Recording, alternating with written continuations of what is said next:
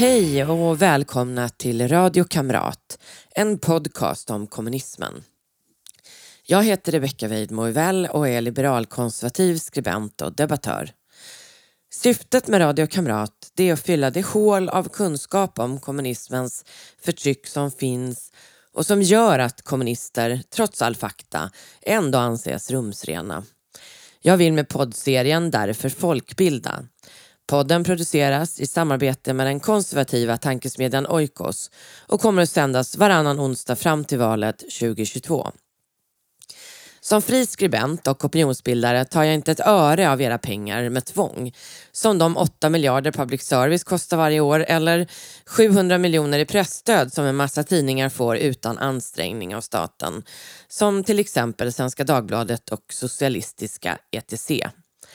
Jag ber därför alla som lyssnar på podden och läser min blogg att bli prenumerant på bloggen. För bara 59 kronor per månad får du tillgång till alla de över 1600 inlägg jag skrivit hittills sedan 2014 och alla nya gräv och granskningar. Betalväggen kommer installeras inom kort. Du registrerar snabbt ett kort hos Patreon och sen dras summan automatiskt varje månad tills du själv väljer att avbryta. Du behöver inte kontakta mig eller någon prenumerationsservice som hos tidningar. Du avbryter bara själv och utan uppsägningstid. Jag kommer regelbundet publicera artiklar som är gratis. Men för mina gräv och granskningar krävs nu en prenumeration så jag kan fortsätta som friskribent. Vill du stötta mig, bloggen och Radio Kamrat? Välj premiumnivån på 99 kronor per månad. Om ni inte vill eller kan bli prenumeranter men vill stötta podden kan ni fortfarande swisha till 123 444 5847. Det här avsnittet är en fortsättning på förra avsnittet och handlar om säkerhetspoliserna och förtrycket i en rad av de mest kända kommunistiska diktaturerna. I förra avsnittet började jag från början med Lenin och Stalin och även Castro och Che Guevaras förtryck på Kuba gicks igenom. I det här avsnittet kommer ni få veta allt om förtryckarapparaten i Albanien, Jugoslavien och Rumänien och DDR. Det finns mycket mer givetvis, så jag har fått göra ett urval av de värsta. Välkommen tillbaka till mörkret.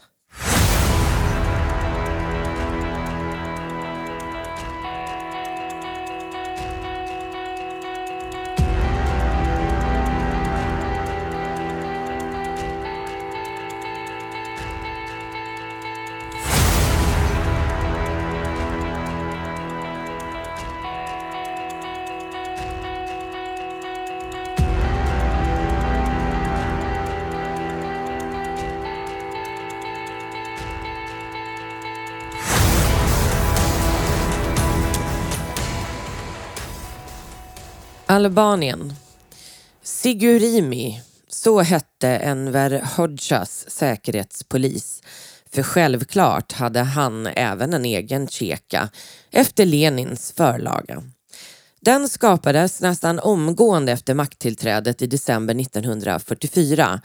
Då startades People's Defence Directory, eller Styrelsen för statens säkerhet.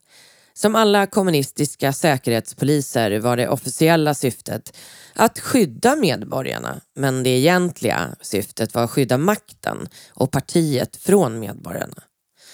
Sigurimi hade uppskattningsvis 30 000 anställda varav 7 500 av dem arbetade i folkets armé. Fokus var framförallt politiskt och ideologiskt förtryck snarare än polisiär verksamhet. Att, eh, som att arrestera kriminella. Förtrycket var så omfattande att man beräknar att i snitt så hade var tredje alban antingen förhörts av Sigurimi eller suttit i läger när regimen upphörde. Huvudkvarteret låg i huvudstaden Tirana. Sen hade Säkerhetspolisen ett kontor i vardera av de 26 distrikten. Säkerhetspolisen var organiserad i följande områden. Politisk kontroll, censur, statliga arkiv, lägerverksamhet, säkerhetsstyrkor, fysisk säkerhet, kontra spionage och utländsk spionverksamhet. Den politiska kontrollen var fokuserad på att se till att de albanska kommunisterna var så renläriga som möjligt och följde förebilderna Stalin, Tito och Mao. Man tror att cirka 170 politbyråmedlemmar, alltså de högsta uppsatta kommunisterna, blev avrättade under Enver Hoxhas långa regentid. Precis som Stalin höll han all form av intern konkurrens om makten kort. Censur riktades förutom på all media, inklusive tidningar, även på kultur, undervisning och organisationer. All form av statistik och statliga arkiv var belagda under sekretess. Som jag berättat om i flera avsnitt var koncentrationsläger inget Adolf Hitler kom på, utan den idén fick han från bland annat kommunisterna. Lenin och Stalin var före, Mao och Fidel Castro. Che Guevara kom sen. Även Enver Hoxha tyckte att det här med att deportera och spärra in alla kritiker var en utmärkt idé.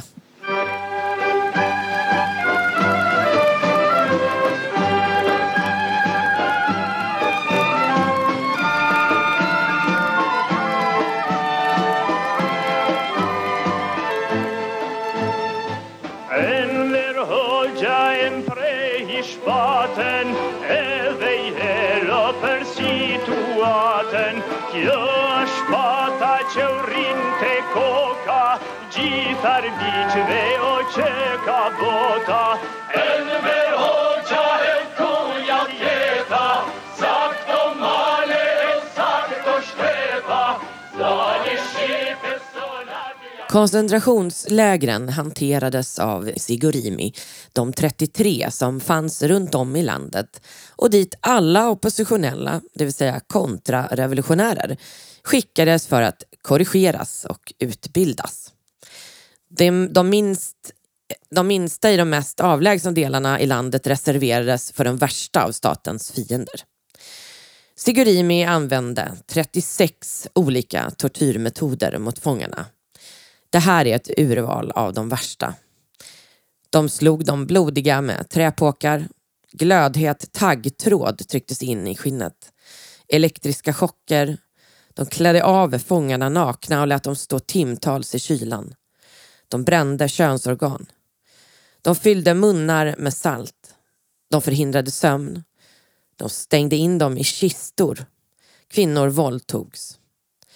103 000 albaner dömdes på politiska grunder till fängelse varav 65 000 skickades till koncentrationsläger på en befolkning av 3 miljoner.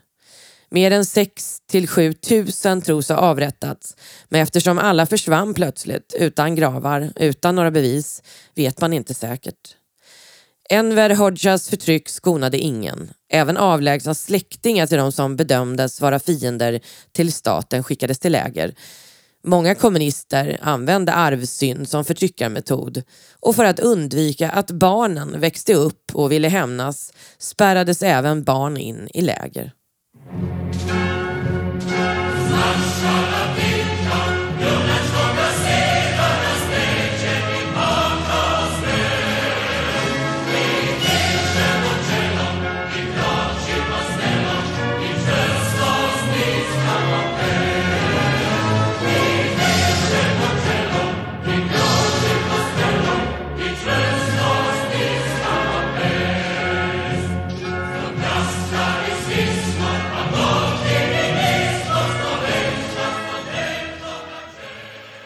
Jugoslavien.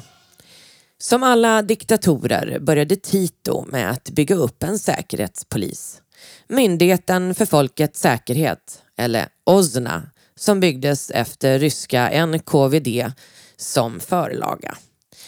Han grundade också Folkets försvarsstyrkor av Jugoslavien, KNOJ, vars uttryckliga uppdrag var att döda Ustasja, tjetjener och andra antifolkliga gäng. OSNA var en autonom del av staten, en militär organisation som rapporterade direkt till överbefälhavare Tito. Den delades upp i fyra delar. Underrättelsetjänst, kontraspionage, försvarssäkerhet och statistikteknik. Underrättelsearbetet fokuserade på andra länder och ockuperade områden och rekryterade agenter att jobba utanför gränserna.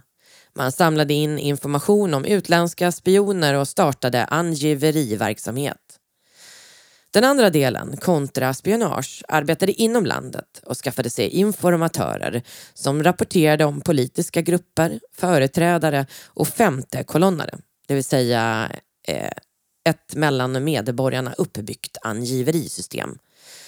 Fiender till folket inkluderade inte bara antikommunister utan bara personer som inte aktivt stödde kommunisterna. Och de rika och förmögna förstås, krigsfångar och kyrkans representanter oavsett religion. Man mördade folk utan rättegång, ibland även civila associerade med dem.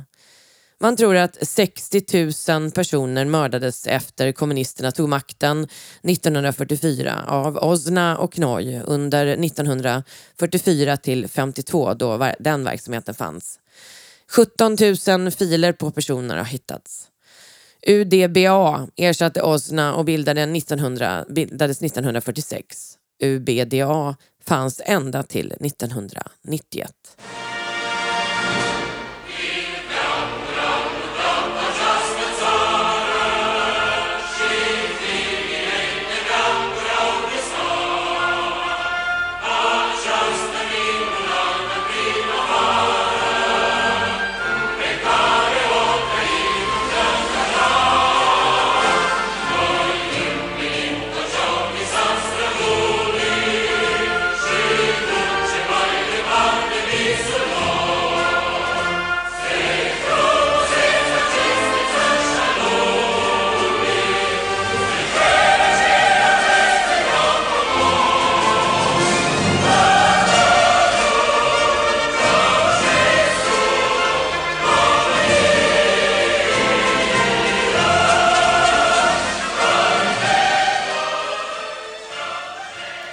Rumänien. Ceausescu. Sovjetiska NKVD hjälpte rumänerna att bygga upp Securitate under tiden Röda armén ockuperade landet för att säkerställa att det byggdes upp som en lydregim under Moskva. 1948 anställdes 4 641 personer. Tre år senare, 1951, hade Säkerhetspolisen över 25 000 anställda. Befolkningen i Rumänien var 22 miljoner då. När Securitate hade som flest anställda hade man 11 000 agenter och en halv miljon informatörer. Det var under järnridån-tiden ihop med DDR det land som förtryckte sin befolkning mest. Liksom Stasi byggde Securitate-systemet på att grannar, kollegor, arbetskamrater, familjemedlemmar var spioner på varandra och rapporterade in till lokala enheter av Securitate. Ingen kunde lita på någon. Och folk som anmälts kunde när som helst hämtas upp av Securitate för att kanske aldrig återvända. Tusentals människor försvann bara spårlöst. Mördade och nergrävda någonstans. Yppade någon kritik någonstans, även hemma vid sitt köksbord, riskerade man att hämtas. Ingen kunde lita på någon som sagt lämna landet var givetvis förbjudet. Securitates första chef hette George Pintili med smak, smeknamnet Pantiosa. Han var sovjetisk agent med ukrainskt ursprung. Och han var ansvarig för arresterandet, deportationen och fängslandet av 400 000 personer under sin tid som chef. Han grundade också ökända Pitesti-fängelset Mest kända för sina utbildningsexperiment mellan 1949 och 1951 där en grupp fångar under ledningens övervakning blev satta att återutbilda judar anhängare till fascisterna Iron Guard genom hjärntvättning som inte bara skulle ta bort deras religion och värderingar utan ändra hela deras personer. Experimentet gick ut på att förstöra personen kroppsligt och psykiskt och det var bara unga män. De flesta tillhörde oppositionen eller var religiösa av olika slag, vilket kommunisterna ville få bort. All religion skulle bort. Man skulle skapa kommunister.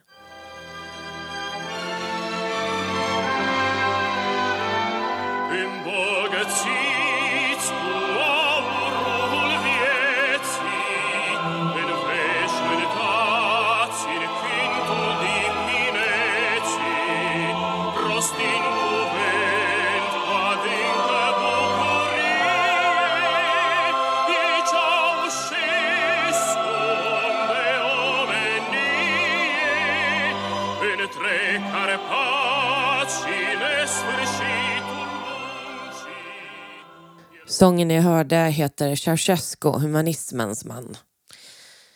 Man vet inte hur många som utsattes men minst tusen personer tvingades att tortera varandra till sinnessjukdom och ofattbart lidande. Man har sagt att det styrdes av icke-människor, så stor var ondskan. De som lyckades komma levande därifrån hamnade många i livslång psykisk sjukdom. Fångar tvingades regelmässigt att utsättas för svår misshandel och även misshandla varandra för att tidigare lojaliteter skulle krossas. Vakter tvingade dem att delta i schemalagda och ad hoc-sessioner i politisk indoktrinering om kommunism och Josef Stalin. Det första stadiet av återutbildningen var långa och intensiva förhör med tortyr för att få fången att avslöja alla intima detaljer i sina liv. Eftersom det uttalade syftet var att få dem att avslöja nya saker erkände många fångar under tortyren påhittade gärningar.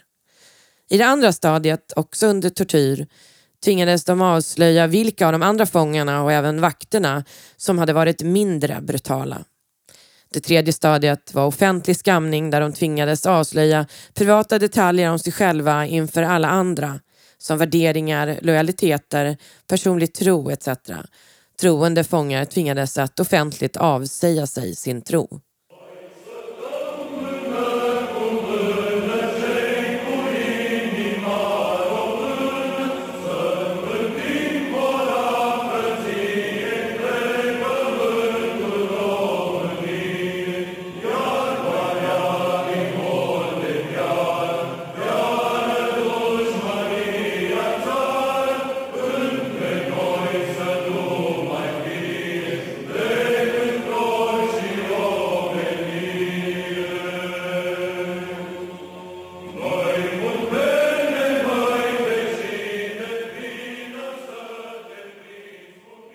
Tortyrmetoder.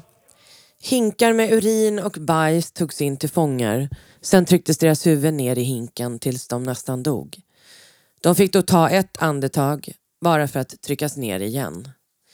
Fångarnas hela kroppar brändes med cigaretter överallt, även i analen och på könsorgan. Andra tvingades äta skedar med bajs och spydde och då fick de äta upp spyorna. Sår och skador från tortyr behandlades inte utan fick bli infekterade. Man plågade också fångar genom att tvinga dem till evighetslånga arbeten som att skura golv med en trasa fastsatt mellan tänderna. De tvingades att äta och dricka på knä med armarna fastlåsta bakom ryggen och vakterna tvingade dem att låta som grisar. Ibland hällde de ner kokat vatten i deras munnar och tvingade i dem mat.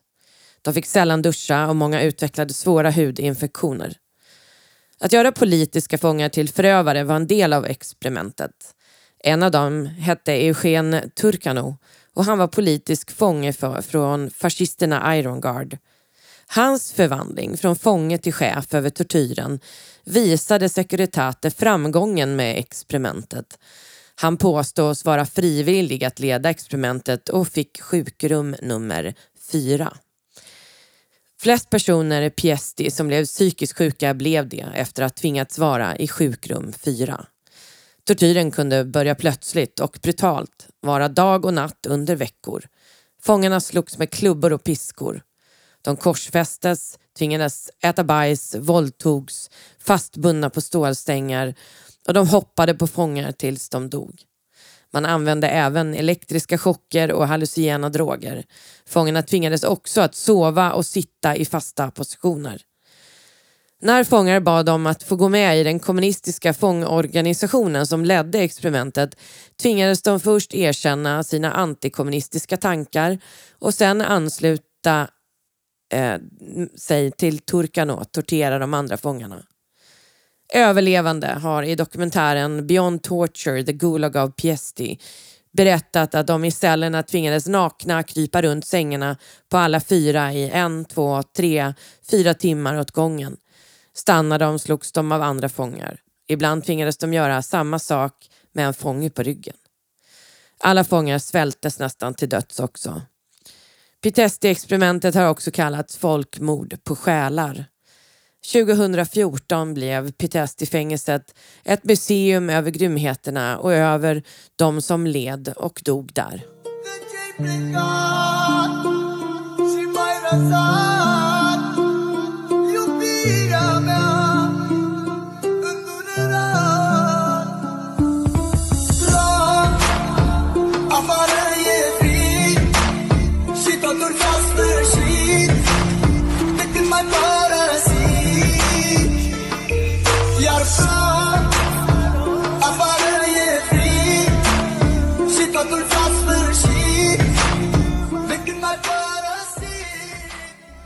Securitate-chefen Pentilie var också ansvarig för majoriteten av deportationerna till arbetslägren i Danub, eh, Donau, Svarta havet-kanalen som också kallades kyrkogården av den rumänska borgerligheten.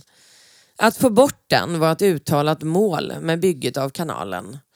Sovjet ville bygga en kanal från floden Donau till Svarta havet för att korta avståndet och undvika det svåra deltat de första försöken att bygga en kanal inleddes 1949 som eh, hade ett sätt att korta reseavståndet och samtidigt bli av med rika bönder och fiender mot folket som helt enkelt fick arbeta ihjäl sig. Man byggde upp fångläger längs med den projekterade kanalen sommaren 1949 och 50. Och då var det redan 15 000 fångar i lägren. 1953 var det över 20 000 fångar minst, men äldre siffror finns upp mot 60 000. Enligt journalisten Anne Applebaum dog över 200 000 under kanalens bygge. De dog av olyckor, undernäring, tbc och andra sjukdomar eller arbetade ihjäl sig. Denna kallas Dödskanalen. Man la ner projektet 1953. Först 1973 återupptogs arbetet som avslutades 1987. 1963 pensionerades Pintilie. 1971 fick han medalj av Ceausescu. Han dog 1985 och fick en pampig militärbegravning.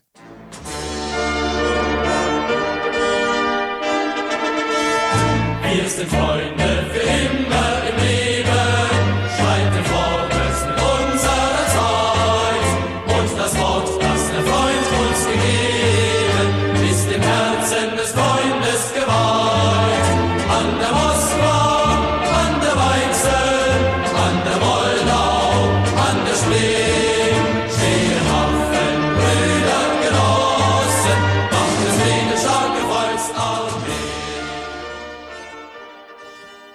känt är nog DDR för sin säkerhetspolis. Ministerium för Staatssicherheit. Ministeriet för statssäkerhet eller Statssäkerhetstjänsten eh, som förkortades Stasi och skapades redan 1950 för att skydda arbetarnas intressen mot fascistiska, reaktionära och andra fientliga och kriminella element. I själva verket ansåg partiet att det behövdes en stark organisation för att skydda partiet som endast ansvarade inför partiet. Stasi hade enorma befogenheter och var både underrättelsetjänst, hemlig polis med syfte att spåra upp, bevaka, häkta och fängsla personer med negativ inställning till staten, både inre och yttre fiender. Förlagan var Lenin och Stalins hemliga polis, Chekan, som även inspirerade Che Guevara och Castro till den kubanska säkerhetstjänsten, bland annat. Stasi hade befolkningen i ett järngrepp till järnridåns upplösning och högkvarteret låg i Lichtenberg. Mottot var Schilton Schwert der Partei, partiets sköld och svärd. Symbolen var en östtysk flagga med en hand som håller ett gevär med en bajonett fastsatt i vilken flaggan hänger ifrån. Dokument efter järnridåns fall visar att just DDRs säkerhetstjänst skilde sig från andra staters säkerhetstjänst genom att all juridisk och parlamentarisk kontroll samt maktdelning saknades helt. Huvudsakliga uppgifter var uppspåra, identifiera och övervaka fientliga negativa element, säkerhetsrisker, oppositionella och potentiella republikflyktingar. Övervaka post och telekommunikationer och övervaka DDR-medborgare i utlandet. Den mest berömda chefen var Erik Mielke som satt från 1957 till 1989.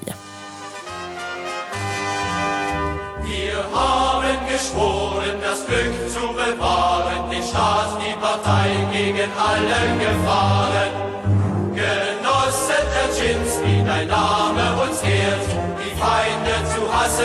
just know.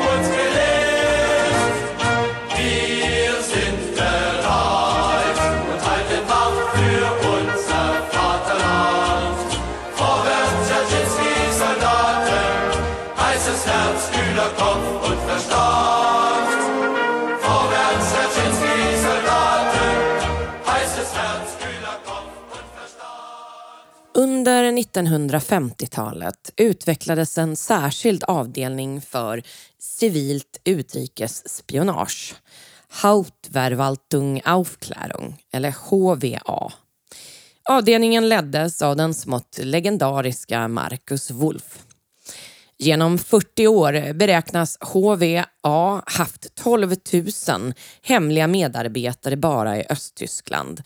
De utländska spioneriet riktades främst mot Västtyskland och Danmark men även mot andra länder i väst, som Sverige. Hur många spioner man hade utomlands vet vi inte eftersom arkiven om det är förstörda eller inte tillgängliga för forskning.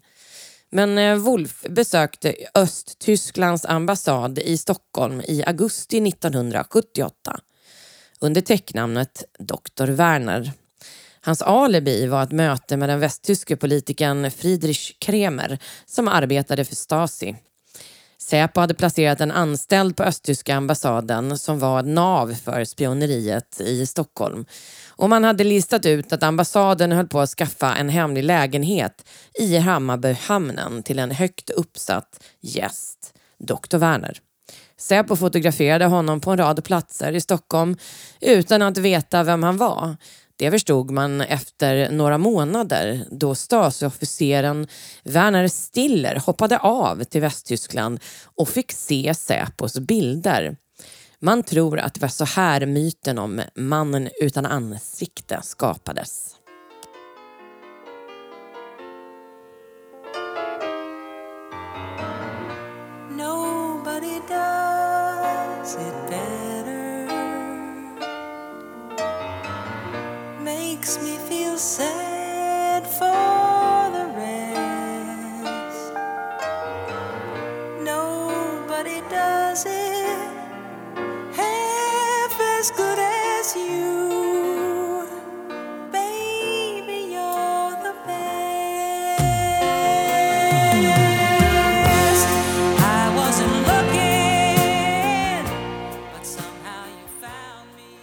Stasi hade fram till 1980-talet växt till att omfatta 91 000 anställda och 180 000 agenter, kallades IM, inofficiella medarbetare.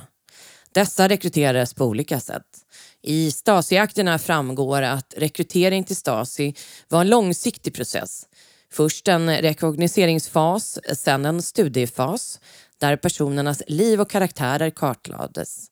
En närmandefas som kunde utvecklas till en vänskapsfas och till sist värvning. Man använde strategierna att lovorda, locka, motivera och allra viktigast belöna. Ofta handlade det om vodka, whisky och överdådiga restaurangbesök.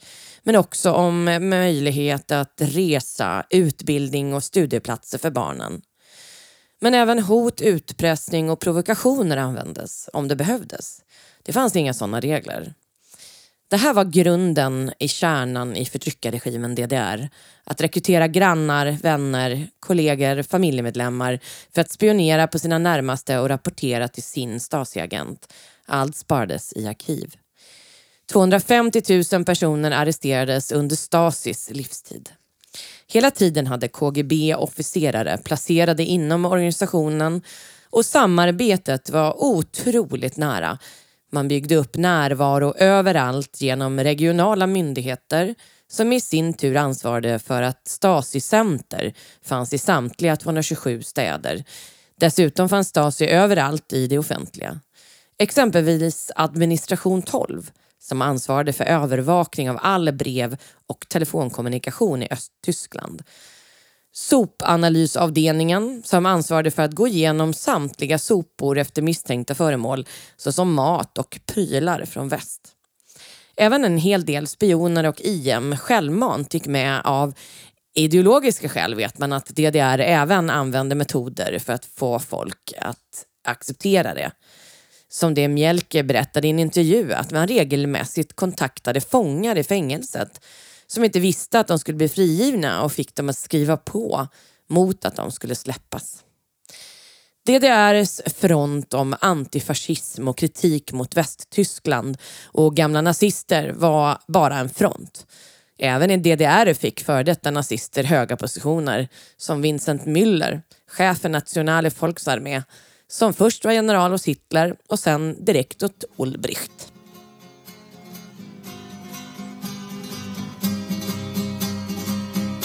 Euer Dienst ist die Aufklärung. Namen bleiben geheim.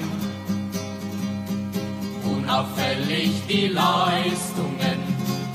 Stets im Blickfeld der Feind. Das Gespräch mit Genossen. Viel zu selten daheim. Für das Tragen der Orden bleibt oft nicht mehr die Zeit. Wachsam sein, immer zu, wachsam sein. Und das Herz ohne Ruhe, wachsam sein. Auch in friedlicher Zeit.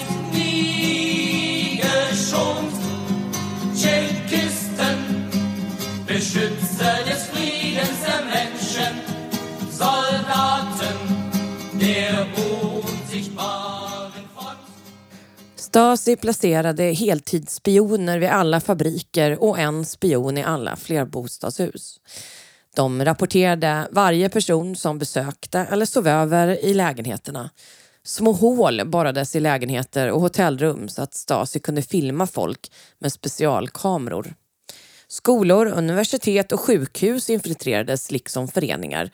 Folk blev frivilligt spioner för att partiet SED skapade ett incitament att dels få folk att känna sig viktiga och dels kunde man få fördelar för sig och sin familj. 1995 hade 2,5 procent av hela befolkningen i Östtyskland identifierats som informatörer till Stasi.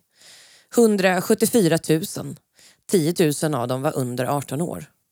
Men historiker tror att så många som 500 000 var det egentligen. En före detta Stasi-agent uppskattar siffran till två miljoner om man räknar med alla som var det vid enstaka tillfällen.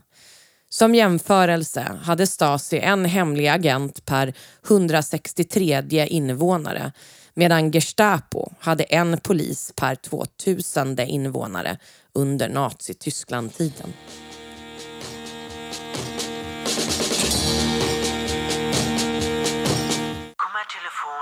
Dr. Korf.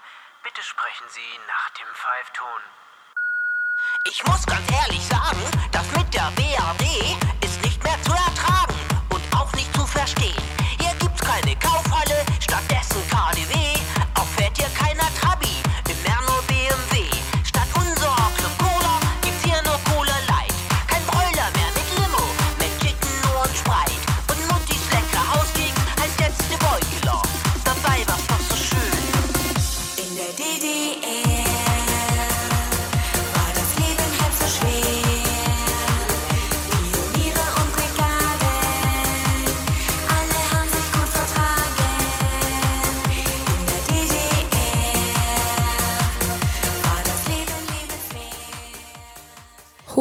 Hohenschönhausen, så hette det berömda Stasi-fängelset. Men under lång tid erkände ingen dess existens offentligt. Idag är det ett museum över Stasi. Målet för fängelset var att destabilisera fångarna till en punkt av total hjälplöshet. Att bryta ner dem helt så att de berättade allt. Fångar anlände i fönsterlösa skåpbilar. Bilen körde in i ett fönsterlöst rum som stängdes innan fången släppts ut. Från totalt mörker till ett mycket ljust rum för att chocka personen. Sen väntade total isolering. Fångar satt helt själva utan kontakt med andra. Vakterna pratade inte heller med dem. Maten levererades genom en lucka i dörren. Stasi arbetade till skillnad från Stalin framför allt inte med att utplåna folk utan man ville knäcka folk psykiskt så att de samarbetade och pratade. Metoderna för att knäcka personerna var till exempel att inte låta dem sova, att låsa in dem i så små celler att de blir tvungna att stå, att låsa in dem i celler som var fyllda med vatten till tre fjärdedelar så att om de somnade så drunknade de. Stasi placerade också agenter i celler som försökte kommunicera med fångarna och få ut information. De förhördes långa pass dagligen i månader. Annars var de isolerade i sina celler. Vissa låstes in i total mörker i veckor. Andra släcktes aldrig lampan hos och de väcktes konstant. Allt för att bryta ner dem. Utanför fängelset var en av teknikerna Stasi använde den psykologiska terrorn de kallade Zersetzung. Personers svagheter, fel, misslyckanden, drogproblem, utomäktenskapliga relationer, ekonomiska svårigheter utnyttjades för att komma åt personer, antingen för att rekrytera informatörer eller få information. Metoden undervisades till och med på Stasis egen högskola, Juristische Hochschule des MFS, i Potsdam. Hur officerarna genom tekniker i psykiskt tryck kunde bryta ner politiskt misstänkta, obekväma och oppositionella personer. Man terroriserade helt enkelt de man ansåg vara ett hot genom att till exempel bryta sig in i deras hem i ett försök till gaslighting. Man ändrade möblering, flyttade tavlor, ställde om klockor och alarm för att folk skulle börja känna att de måste minnas konstigt att de håller på att bli galna och ifrågasätta sig själva. Andra metoder var sabotage av folks egendom, som deras bilar, eller att de när de sökte vård medvetet fick fel vård. De förstörde också folks rykten genom manipulerade foton och dokument som skickades till familj, släkt och vänner. De buggade folk, skickade saker de inte beställt eller ringde i telefoner och la på. De förstörde relationer, spred skvaller, iscensatte intriger om exempelvis en påhittad sexuell utsvävning etc. Allt för att sätta hård psykologisk press på offren. Många förstod inte att Stasi låg bakom och trodde att de höll på att bli knäppa på riktigt. En del tog till och med livet av sig. En listig bonus av tekniken med Zarasetzung var att Stasi inte lämnade några spår alls och kunde förneka helt.